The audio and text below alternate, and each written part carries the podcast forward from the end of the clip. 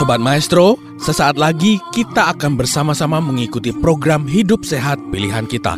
Selamat mendengarkan.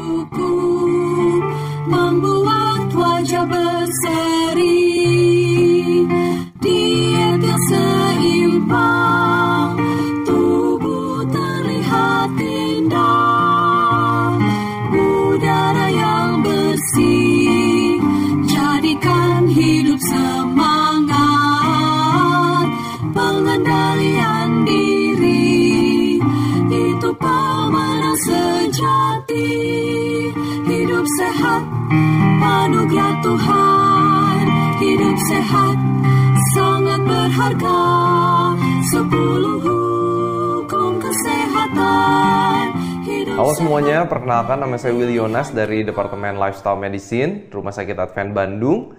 Hari ini kita sama-sama akan belajar mengenai bagaimana gaya hidup sehat itu bisa mencegah pikun. Pelajaran kita akan terbagi menjadi dua part atau dua bagian dan kita akan melihat bagian yang pertama terlebih dahulu. Kita akan sama-sama melihat apa itu pikun, penyakit seperti apa ini, lalu penyebab-penyebabnya apa, apa yang sebenarnya terjadi sehingga pikun itu terjadi, dan yang terakhir adalah solusinya, karena itu adalah bagian yang paling penting. Bagaimana ternyata dari gaya hidup sehat kita sehari-hari itu sangat berpengaruh untuk kesehatan otak kita. Bahan-bahan yang akan kita pelajari itu berdasarkan banyaknya berdasarkan dua penelitian ini. Ini adalah eh, sesu hasil penelitian dan buku yang ditulis oleh Dr. Dean dan Aisyah Serziai. Mereka adalah dokter spesialis saraf. Mereka kerja di Loma Linda di California. Sekarang kita mulai, kita pengen lihat apa ini pikun dan penyakit ini seperti apa. Mungkin banyak juga yang mengenal kata pikun ini seperti dengan kata demensia. Ini adalah istilah umum yang digunakan untuk memberikan deskripsi akan kehilangan ingatan, bahasa, susahnya memecahkan masalah, kemampuan berpikir lainnya yang mengganggu kehidupan sehari-hari. Jadi banyak lupa, kegiatan sehari-hari mulai terganggu, lalu juga bahasa mulai agak kemampuannya agak berkurang juga dan pemecahan masalah juga kemampuannya juga berkurang. Penyakit ini inilah faktanya, ada sekitar 55 juta orang di dunia memiliki penyakit demensia dan setiap tahunnya kira-kira bertambah 10 juta kasus.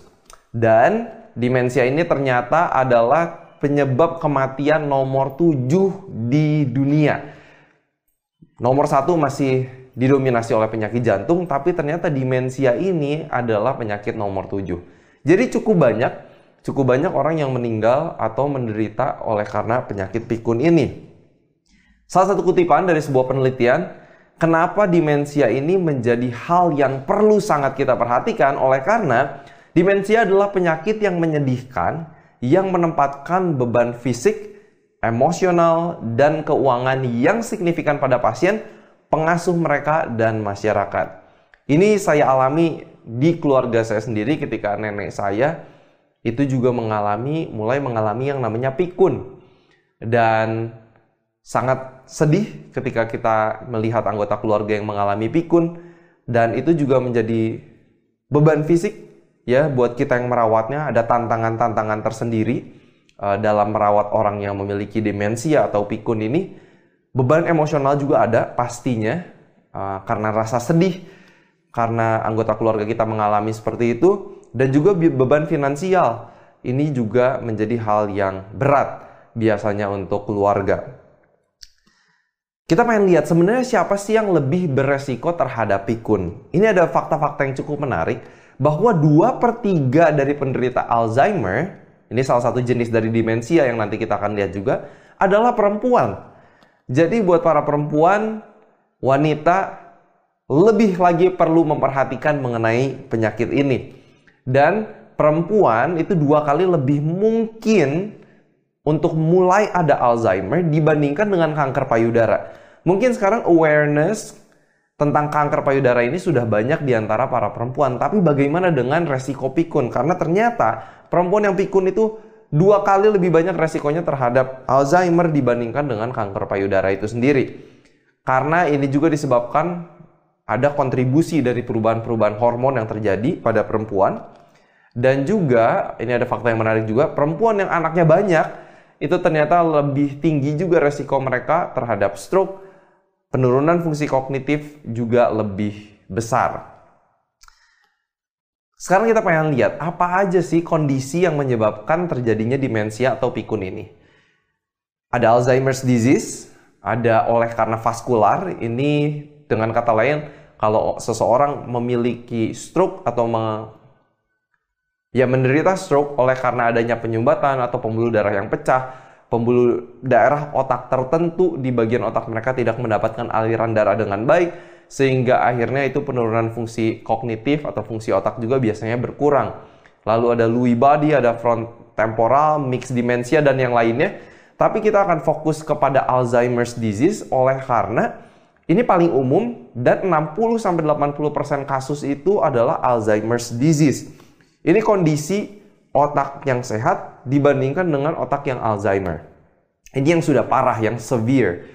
Otaknya itu mengecil ya bisa dibayangkan ketika otaknya sudah mengecil seperti itu fungsinya banyak juga yang terganggu dan ini yang kita pengen cegah bagaimana kita bisa mempertahankan otak kita yang sehat seperti gambar yang di kiri dan mencegah supaya tidak terjadi seperti yang di kanan apa saja yang bisa menyebabkan otak itu bisa menciut atau mengalami Alzheimer's disease seperti ini? Ada faktor genetik, ada faktor lingkungan atau gaya hidup. Kita nggak akan bahas faktor genetik di sini, tapi gampangnya sederhananya adalah ketika orang tua kita, kakek nenek kita itu sudah memiliki Alzheimer's disease, kita ini lebih beresiko oleh karena banyak yang terjadi secara faktor genetik yang kita miliki. Tapi yang kita akan fokuskan adalah lingkungan dan gaya hidup. Karena kalau genetik ini kan nggak bisa kita ubah. Tapi gaya hidup itu bisa kita ubah apa sih sebenarnya kondisi di dalam tubuh kita yang membawa kita kepada Alzheimer's disease? Yang nomor satu adalah yang namanya inflamasi atau peradangan. Bila mana peradangan ini terus terjadi di dalam tubuh kita, resiko Alzheimer juga meningkat. Adanya oksidasi. Lalu yang ketiga adalah glucose dysregulation atau gula darah yang tidak terkontrol orang-orang yang sudah memiliki prediabetes, diabetes yang tidak terkontrol, mereka memiliki resiko yang lebih tinggi juga terhadap Alzheimer's disease. Yang keempat ini adalah lipid dysregulation atau lemak darah yang tidak terkontrol. Ya, tingkat kolesterol dan yang lainnya itu juga sangat berpengaruh kepada resiko Alzheimer's disease. Apa yang membuat empat hal itu terjadi? Inilah penyebabnya. Kalau kita memiliki pola makan yang tinggi gula dan lemak, kita kita obesitas, kelebihan berat badan, kita memiliki diabetes yang tidak terkontrol, tekanan darah juga, kurang tidur, kita stres, tingkat kolesterol yang tinggi di dalam darah, kurangnya olahraga, kita merokok, kita minum alkohol. Inilah 10 hal yang menyebabkan keempat hal ini. Menyebabkan inflamasi, oksidasi, glucose dysregulation, dan lipid dysregulation. Dan kalau kita lihat di sini, Faktor-faktor ini sebenarnya bisa kita kontrol dengan gaya hidup sehat. Sangat bisa kita kontrol. Jadi solusinya apa? Apa yang bisa kita lakukan supaya ke 10 hal ini tidak membawa kita kepada penyakit Alzheimer? Kita akan membagi pembahasan kita, pembelajaran kita dalam lima kategori yaitu nutrisi, olahraga. Itu dua hal yang akan kita bahas di bagian yang pertama ini dan nanti di bagian yang kedua kita akan bahas mengenai efek jam tidur, stres, dan aktivitas otak kepada penyakit Alzheimer. Nah, sekarang kita mulai dengan nutrisi. Makanan, apa yang kita makan sehari-hari. Fakta menariknya adalah otak ini beratnya hanya sekitar 2% dari total berat badan kita. Misalnya kita berberat badan 50 kilo, itu cuma 1 kiloan ya otak kita. Nah, tapi yang menariknya adalah otak kita itu menggunakan 25 kalori dari 25% dari kalori yang kita makan. Jadi efeknya apa yang kita makan buat otak itu sebenarnya besar sekali. Dan kalau misalnya pilihan makanan kita kurang bijaksana untuk jangka panjang, efeknya ternyata besar juga buat otak. Dikatakan oleh penulis buku The Alzheimer Solution, dia katakan sebagai dokter dan peneliti gaya hidup, kita tidak dapat melebih-lebihkan pentingnya makanan untuk kesehatan otak.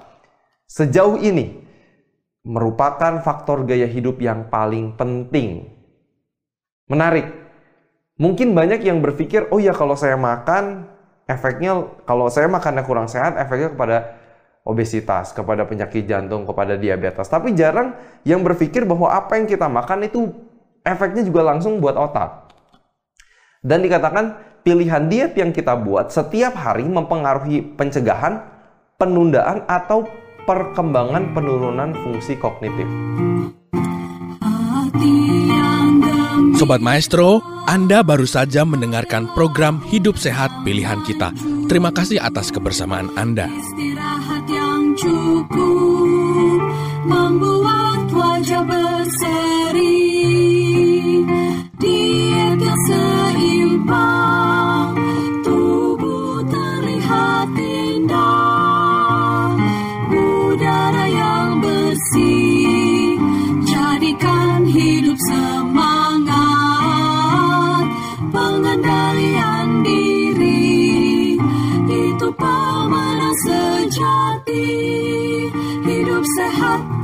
Anugerah Tuhan.